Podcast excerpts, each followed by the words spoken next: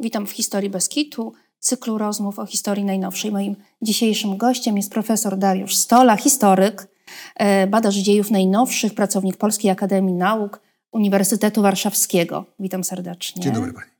Marzec 68 roku. Co się wtedy wydarzyło w Polsce? Y, Marzec 68 to jest jeden z tych miesięcy, które się w Polsce pisze dużą literą. I ci, którzy żyli w PRL-u, albo ci, którzy się uczyli historii, to wiedzą, dlaczego się pisze dużą literą, bo to są tak zwane polskie miesiące. Jest październik 56 roku, jest grudzień, a nawet dwa, bo jest grudzień 70 roku i grudzień 81 roku, jest sierpień roku 80 i jest marzec 68 roku. I dlaczego marzec? Co sprawiło, że marzec jest tym polskim miesiącem? Otóż y, ja to często powtarzam, że historia polega na zbiegach okoliczności.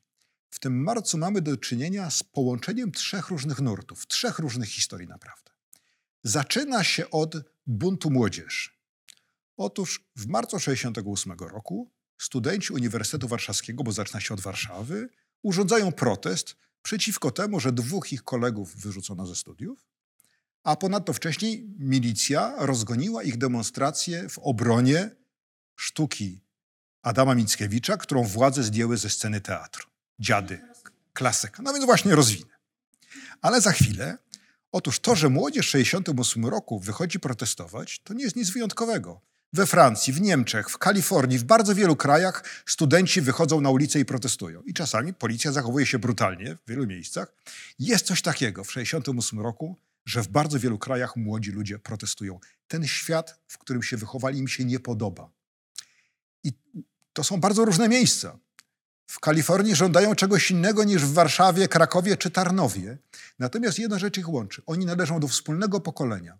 Pokolenia powojennego wyżu demograficznego. To jest najważniejsze pokolenie w historii powojennej. Dlaczego? Bo było najliczniejsze. Nigdy wcześniej w Polsce nie było tylu ludzi w tym samym wieku. Teraz jest ich zdecydowanie mniej. Teraz dzieci rodzi się znacznie mniej niż, niż wówczas. I to młode pokolenie, rosnąc, najpierw trzeba dla nich wybudować szkoły. Potem część z nich idzie na studia. Nie tak wiele osób jak teraz, bo wówczas tylko niewielki odsetek ludzi szedł na studia, ale tak tych studentów jest dużo więcej. I nagle się okazuje, że elity rządzące nie bardzo wiedzą, co z nimi robić. Oni słuchają nowej muzyki. Oni chcą chodzić w dżinsach. A zwłaszcza w krajach bloku radzieckiego to jest podejrzane, oni słuchają muzyki amerykańskiej albo angielskiej. I niektórzy tłumaczą, że to nie jest ta złata muzyka, bo ona jest zbudowana na rytmach czarnych niewolników wykorzystywanych przez tych okrutnych amerykańskich imperialistów. Niemniej to jest muzyka podejrzana. Więc pojawia się pokolenie, z którym są kłopoty.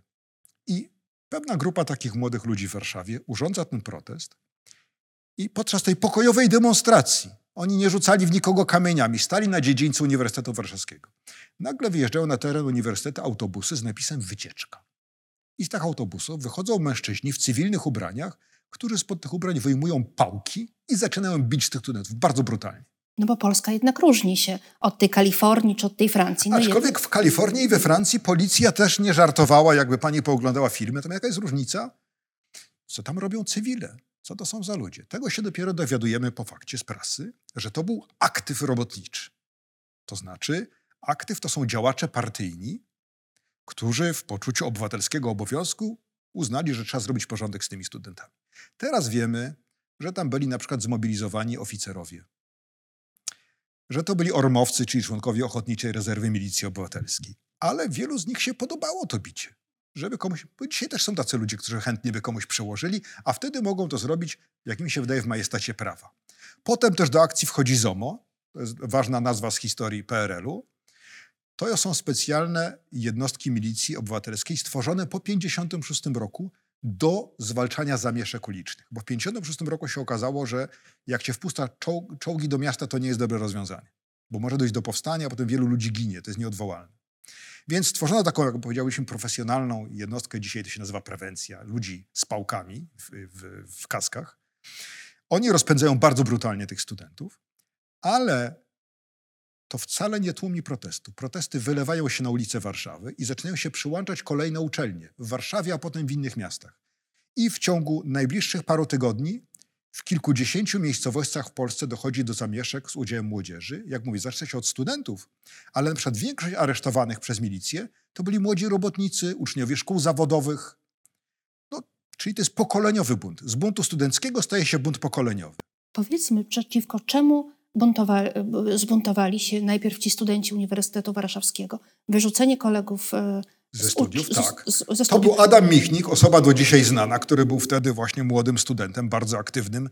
Potrafił bardzo boleśnie krytykować na zebraniach No właśnie, to było wyrzucenie studentów za ich działalność. Tak, dokładnie za to, że zadawali niewygodne pytania, za to, że zorganizowali y, demonstrację w obronie przedstawienia Adama Mickiewicza. I tu muszę powiedzieć dwa słowa. Otóż y, y, przedstawienie dziadów w Teatrze w Warszawie przygotowano, jedna rocznica rewolucji październikowej, e, ale potem niektórym towarzyszom zaczęło się wydawać, że tam są akcenty antyradzieckie. One naprawdę były antyrosyjskie. To jest antyrosyjska sztuka przeciwko caratowi i tak tłumaczono. No to był carat, ale to nie pomogło i jacyś nadgorliwi towarzysze z warszawskiego komitetu partii doprowadzili do zdjęcia tego ze sceny. I po ostatnim przedstawieniu, gdzie sala bardzo żywiołowo reagowała, wtedy kiedy Holoubek, wybitny aktor, mówi, że to przysyłają właśnie na, najgorszy, najgorsze kanalie z Rosji do rządzenia, nie pamiętam dokładnie cytatu z dziadów, no to ewidentnie rozumieli to współcześnie, że to odnosi się do współczesności. Y, potem protestują y, literaci. Jest zebranie Związku Literatów Polskich. No jednak to jest rzecz skandaliczna, że zdejmuje się ze sceny klasykę literatury polskiej. No dzieło Mickiewicza. Trudno sobie wyobrazić coś bardziej polskiego niż literatura Mickiewicza. Protestują literaci, a u literatów też się zbierało od dłuższego czasu. Skarżyli się na coraz surowszą cenzurę.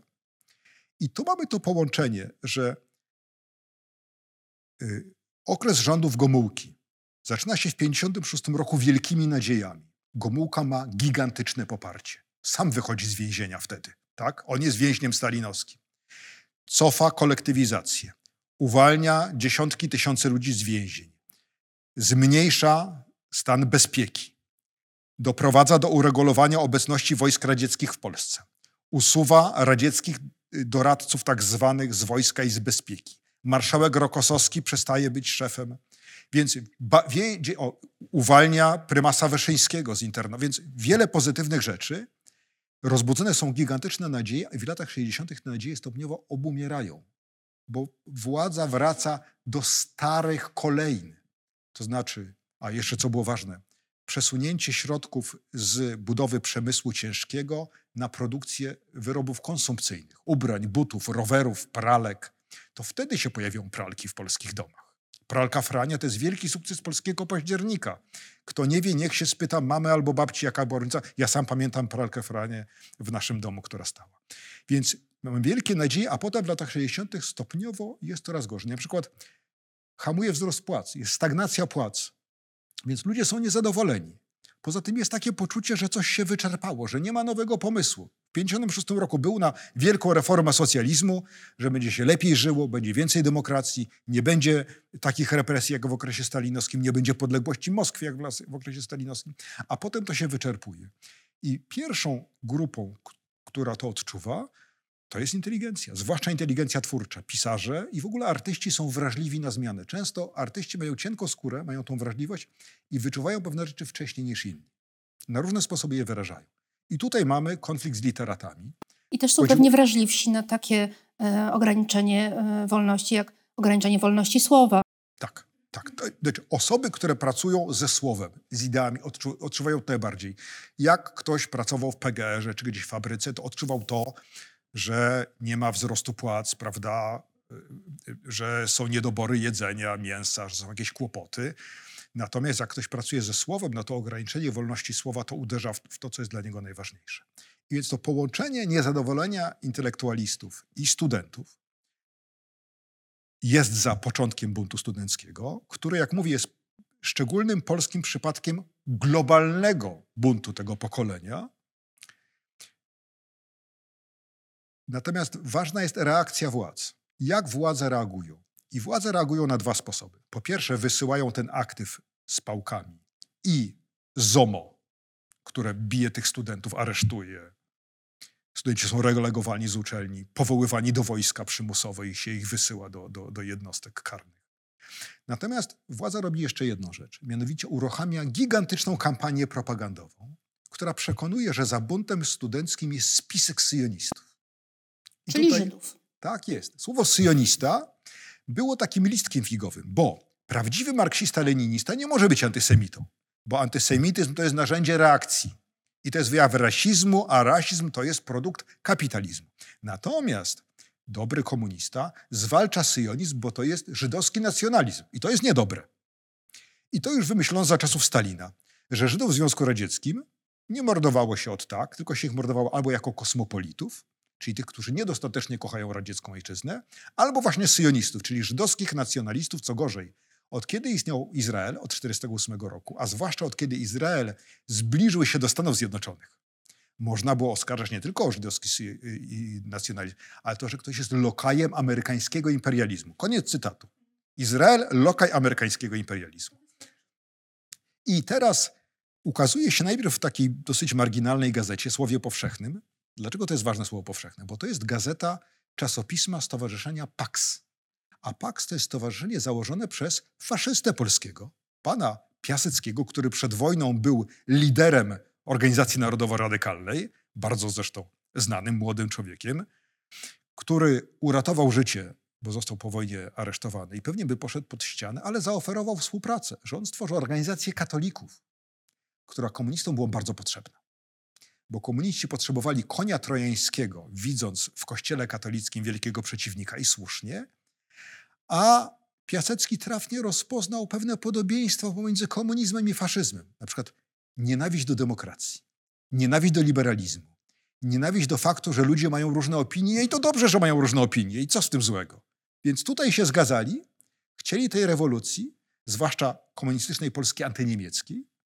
Tu była ich spora zgodność. Mówi, a pozostałe rzeczy to jakoś się dogadamy. Komuniści obiecali, że oni będą tolerowali jakiś zakres. Więc istniał ten Pax. I właśnie w gazecie Paksu, pisma założonego, jak mówię, przez byłego faszystę, pojawia się antysemicki tekst. Ale właśnie nie jest antysemicki, bo on mówi, że jest spisek syjonistów. Ale jak wymienia tych syjonistów, to się okazuje, że to są żydowscy członkowie PZPR. Oprócz tego rzuca takie hasło bankrutów politycznych. O kogo chodzi? O tych działaczy komunistycznych, których odsunięto od władzy po 1956 roku. Czyli on mówi, że jest taki dziwny... Aha, jeszcze jedna rzecz. Że ci syjoniści są wspierani przez rząd Niemiec Zachodnich. Więc mamy spisek, w którym są Żydzi, neofaszyści z RFN-u i stalinowcy. No, taki koktajl, wie pani, naprawdę trzeba wielkiej wyobraźni, ale się okazuje, że w propagandzie nie chodzi, czy coś jest prawdziwe. Ważne, czy działa. Na jednych działa to, bo są przekonani, że są spiski żydowskie jak były, to pewnie są i teraz. Na drugich pamiętają okupację niemiecką, wszystko, co robią Niemcy zachodnie, a do lat 60. Niemcy zachodnie miały bardzo dziwny stosunek na przykład do granicy na Odrze i Nysie. I wreszcie trzeci, którzy pamiętają stalinizm, pamiętają, że tam byli żydowscy komuniści w przywództwie komunistycznym wówczas i mówią, oj, trzeba wszystko zrobić, żeby nie dopuścić ich do władzy. Więc taki koktajl antysemicko, antystalinowsko, antyniemiecki sprawdza się bardzo dobrze i potem cała propaganda powtarza to w tysiącach komunikatów, w gazetach, w telewizji, w radio, na plakatach, a zwłaszcza na wiecach. Są dziesiątki tysięcy zebrań i wieców, na których mówcy tłumaczą, co się dzieje. Więc pytanie jest takie, jak wielu Polaków w to wierzy? Oczywiście nie wszyscy wierzą.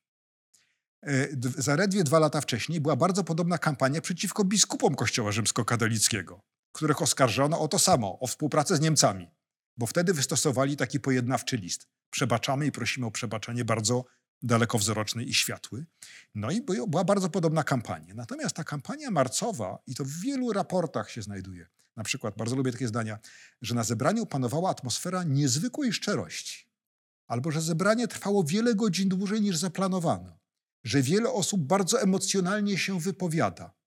To znaczy, że jakaś strona została dotknięta. Jeszcze są dwa aspekty tego, tej nagonki antyżydowskiej pod listkiem figowym antysyjonizmu. Pierwszy jest taki, że zaczyna się wywalanie Żydów czy Polaków żydowskiego pochodzenia, bo ofiarami wielu z tych prześladowań były osoby, które pochodziły ze rodzin całkowicie zakulturowanych, nie znały żadnego żydowskiego języka, były areligijne zupełnie. Nawet było tak, że już ich dziadkowie odeszli bardzo daleko od tradycji żydowskiej. Więc mamy nagonkę i te osoby stają się ofiarami. Najpierw się zwalnia kilku ważniejszych żydowskich komunistów, jakichś wiceministrów. I to jest taki sygnał, że można, a potem coraz niżej, aż do jakichś księgowych współdzielni. A potem zaczyna się wyszukiwanie tych sionistów, bo jak nie mamy żadnego, to musimy jakoś wymyślić, żeby się wykazać przed centralą, że mamy czujność rewolucyjną. I to żeśmy naszego sionistę zwolnili. Więc nagle wiele osób, które by chciało awansować, a stanowisko kierownika jest zajęte przez tego Goldstama. I Goldstam niby nic złego nie robił i nawet jest członkiem partii, ale nie potępił Izraela w 1967 roku, jak była wojna arabsko-izraelska. Albo, a ma ciotkę w Nowym Jorku.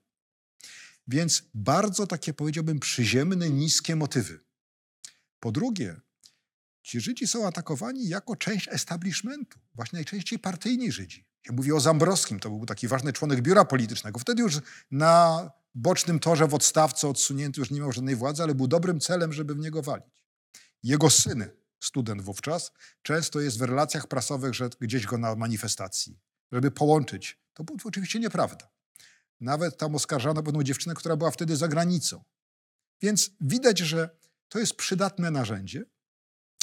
I ci są krytykowani w zasadzie za to, o co wielu Polaków oskarża cały establishment partyjny. A że są wyniośli, a że mają przywileje, a że mają duże mieszkania, a że ma samochód. Czyli takie rzeczy, które wtedy były symbolem bogactwa. I można powiedzieć, że spora część tego ataku ma taki charakter populistyczny. Że to jest jakaś zła elita i trzeba z nią zrobić porządek nareszcie, żeby my, zwykli Polacy, pamiętam taki świetny list czytałem w archiwum KC, zrobić porządek z tymi sionistami, bo tylu warszawiaków po wojnie musiało na prowincję się wyprowadzić, bo nie było mieszkań. Żeby zwolnili te mieszkanie, niech jadą do Izraela, a może ja dostanę mieszkanie w Warszawie. Widzimy nie taki motyw. I trzeci wzgląd, który się zaczął już przed 68 rokiem. Mianowicie, że ci Żydzi, to oni nie doceniają polskiego cierpienia i tylko o swoim cierpieniu w kółko mówią. I na przykład była wielka afera w Wielkiej Encyklopedii Powszechnej, jest hasło encyklopedyczne, obozy niemieckie, gdzie mówiono, że były obozy koncentracyjne, gdzie więźniowie byli niewolnikami przymuszanymi do pracy i były obozy zagłady, zbudowane tylko po to, żeby ludzi mordować, jak Treblinka czy Bełżec, gdzie nie było dużo baraków. Była komora gazowa i grób masowy. I atak. Że nie, że niemiecka polityka służyła eksterminacji wszystkich, że tu się pomniejsza cierpienie Polaków, a powiększa się cierpienie Żydów. Więc rozgrywane jest coś, co widzimy teraz bardzo wyraźnie. To są rzeczy żywe. Rozgrywanie poczucia resentymentu, że ktoś nie docenia mojego, a wtedy jeszcze moje cierpienie to często było cierpienie ludzi, którzy naprawdę cierpieli podczas wojny. Dzisiaj to ktoś mówi o cierpieniu swojego dziadka, a nawet nikogo.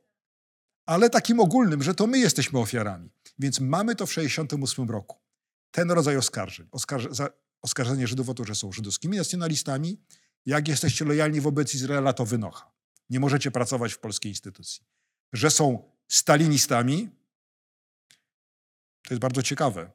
Y, ja mówię tak, gdyby naprawdę był przeciwko stalinistom, to by też przeciwko nieżydowskim stalinistom był. Tak? A czasami sami staliniści prowadzą kampanię. Generał Moczar, kluczowa postać w marcu, był wtedy szefem bezpieki w mieście wojewódzkim. No to o czym my mówimy? I wreszcie te dodatkowe rzeczy, że może coś się uda skorzystać. E, w jednej z warszawskich uczelni ktoś powiedział, że marzec to była rewolta sfrustrowanych adiunktów, czyli takich młodszych pracowników naukowych, którzy od lat przebierali nogami, żeby awansować. Więc jak się udało wywalić paru tych profesorów żydowskich, no to jest miejsce do awansu. Więc bardzo takie przyziemne. A może mieszkanie będę miał, tak? Powiedzmy o, o tych docentach marcowych, no bo to jest ponieważ wtedy była czystka nie tylko zresztą e, żydowskich wykładowców, ale też innych, którzy popierali studentów, solidaryzowali się z studentami. Oni tracili pracę albo ich gdzieś przenoszono na, na, na, na pomniejsze stanowiska i trzeba było szybko awansować innych, to wtedy właśnie wprowadzono coś takiego, że można zostać docentem bez odpowiedniego doświadczenia. No i nawet się mówiło o docenci marcowi potem, znaczy takich naciąganych i różnych karierowiczów. To świetnie widać we wspomnieniach nagle pojawiły się takie osoby, które zawsze siedziały cicho, nigdy się niczym nie wyróżniały i nagle są najważniejsze. Pierwsze mówią, że trzeba porządek zrobić. Właśnie niskie motywy. Czasami to są tajni współpracownicy SB i to wychodzi. W ogóle wychodzi, jak świetnie Służba Bezpieczeństwa to rozgrywa. Na przykład czytałem raporty dla Gomułki SB i widać, jak celowo wśród działaczy studenckich zawsze jest wymieniany najwięcej o takich dziwnych nazwiskach. Albo nazwiskach, które zna, jak Zambrowski. Mimo, że to nieprawda.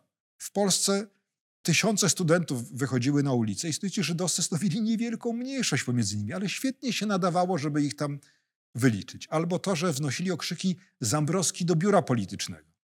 Nonsens. No, ale pokazać, że tu jest jakaś zakulisowa gra. I tu przechodzimy do trzeciego wątku. Pierwszy bunt młodzieży. Drugi kampania propagandowa połączona z przemocą policyjną wobec studentów. A trzeci jest wewnętrzna walka w PZPR o władzę. I to jest bardzo ciekawe. Gomułka już rządzi 12 lat. Już jest dosyć stary, rośnie niezadowolenie. Niektórzy towarzysze by chcieli jakoś pójść do góry. W tym czasie wyrasta bardzo ważna taka grupa wewnątrz aparatu partyjnego, nazwana partyzantami. Dlaczego? Bo wielu z jej przywódców podczas wojny było w komunistycznej partyzantce, tak jak generał Mieczysław Moczar, wówczas szef Ministerstwa Spraw Wewnętrznych, czyli zwierzchnik Służby Bezpieczeństwa. On ma taką przewagę nad innymi, że on pierwszy czyta raporty Służby Bezpieczeństwa i jego ludzie redagują te raporty. Czyli właśnie można wstawić pewne nazwiska, a inne usunąć, zwrócić na coś uwagę. I Mieczysław Moczar już w początku lat 60., jak jeszcze był wiceministrem, zauważył, że to można bardzo dobrze rozegrać. Jak się zwali stare winy na Żydów, że jak coś było złego w komunizmie, to przez tych Żydów, a my zrobimy dobry polski socjalizm. A przy okazji będziemy awansowali, my jako prawdziwi Polacy. I to działa. Więc on jest nie tylko szefem bezpieki, co jest bardzo ważne, on jest też szefem Związku Bojowników o Wolność i Demokrację, największej organizacji kombatantów. I to jest bardzo ważne, bo to jest organizacja, dzisiaj byśmy powiedzieli, odpada za politykę historyczną. No tak. Pomniki, upamiętnienia, akademie. I oni zrobili pewne rzeczy dobre. Na przykład, jak się skończyły prześladowania akowców, to oni zaczęli przyjmować akowców. Z tym się wiązały pewne przywileje, różne ulgi, więc to był krok we właściwą stronę. Zaczęli nawet budować takie, że my, Polacy, tu różnych opinii politycznych, musimy się połączyć razem. A naprzeciw, przeciwko komu? A przeciwko tym, co przyszli z Rosji, takim jak Zambrowski z Bermanem. Więc mamy bardzo umiejętną politykę, która jest w ukryciu. I przychodzi 67 rok, wojna na Bliskim Wschodzie, jedna z kilku wojen izraelsko-arabskich, która najpierw wygląda na to, że Izraelczycy przegrają, z początku, nie wiadomo w każdym razie, bo się gromadzą siły arabskie na granicach i mają miażdżącą przewagę, a potem w ciągu sześciu dni Izrael rozgromił y, armię krajów sąsiednich. I mamy raporty SB, jakie są reakcje na to. I są takie, że robotnicy i chłopi popierają politykę partii i rządu, a polityka była taka jak cały blok radziecki, za wyjątkiem Rumunii. Polska jest krajami arabskimi przeciwko Izraelowi. Więc cały naród popiera za wyjątkiem niektórych obywateli żydowskiego pochodzenia, którzy właśnie. I tu zaczyna się, Gomułka ma takie przemówienie, w którym mówi o piątej kolumnie, że się ujawniła taka grupa obywateli pochodzenia żydowskiego, którzy są bardziej lojalni wobec Izraela niż wobec Polski. I to jest niedopuszczalne, bo to jest piąta kolumna syjonistyczna. I potem są dokumenty, SB zaczyna wyszukiwanie syjonistów wszędzie. A zwłaszcza, jak powiedział generał Moczar, ukrytych syjonistów. Kto jest ukryty syjonista? Ktoś, kto nie jest syjonistą ale ma żydowską babkę. Ma krewnego w Izraelu. Był kiedyś na żydowskich koloniach.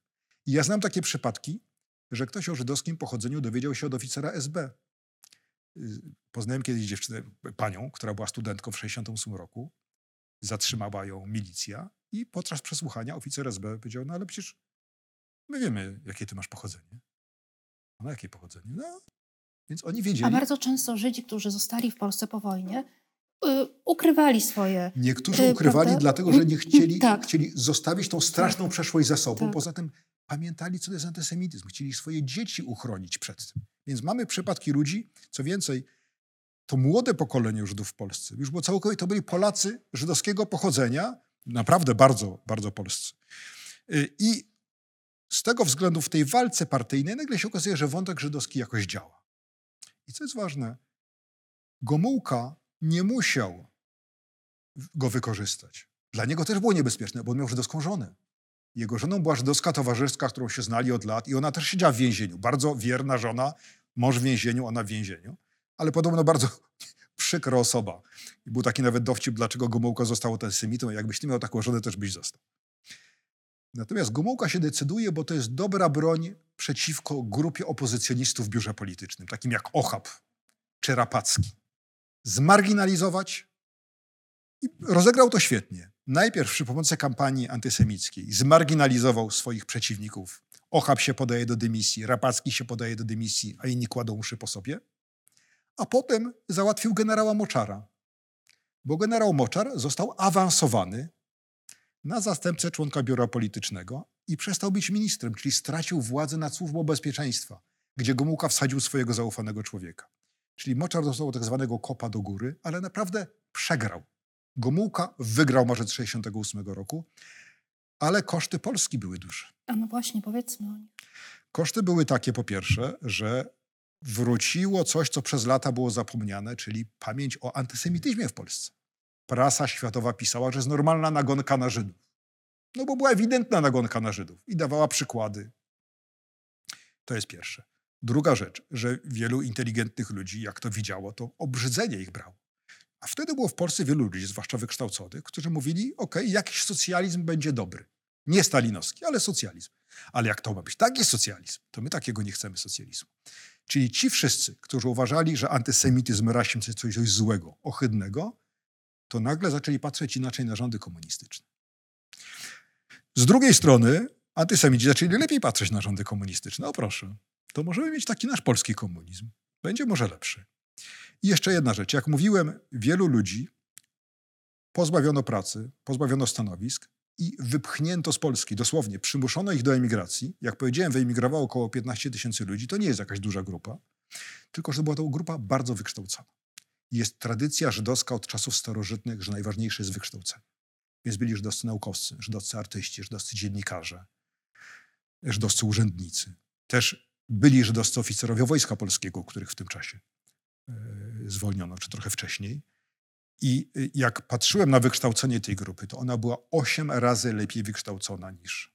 I na przykład czołówka polskich fizyków jądrowych, filmowców. Jak pani Duża pyta, strata dla Polski. Da, w sensie kapitału ludzkiego dla polskiej kultury gigantyczna. Ci, wielu z tych ludzi potem zrobiło kariery naukowe, artystyczne w różnych krajach świata. E, do dzisiaj do Polski przyjeżdżają, ale mówię, to były te straty długofalowe Polski. Natomiast pod jednym względem Polska zyskała. To znaczy, że pojawiła się grupa, zwłaszcza młodych ludzi, dla których marzec 68 roku był doświadczeniem osobistym, bardzo silnym i oni odegrają ważną rolę w ruchu Solidarności potem po latach. Bardzo dziękuję za rozmowę. Bardzo proszę. Rozmowy odbywają się dzięki Towarzystwu Edukacji Obywatelskiej o historię. Jak zawsze, zapraszamy do subskrybowania naszego kanału YouTube, a także polecamy podcasty na Spotify i Apple Podcasts. Oczywiście wszystko pod nazwą Historia Beskitu.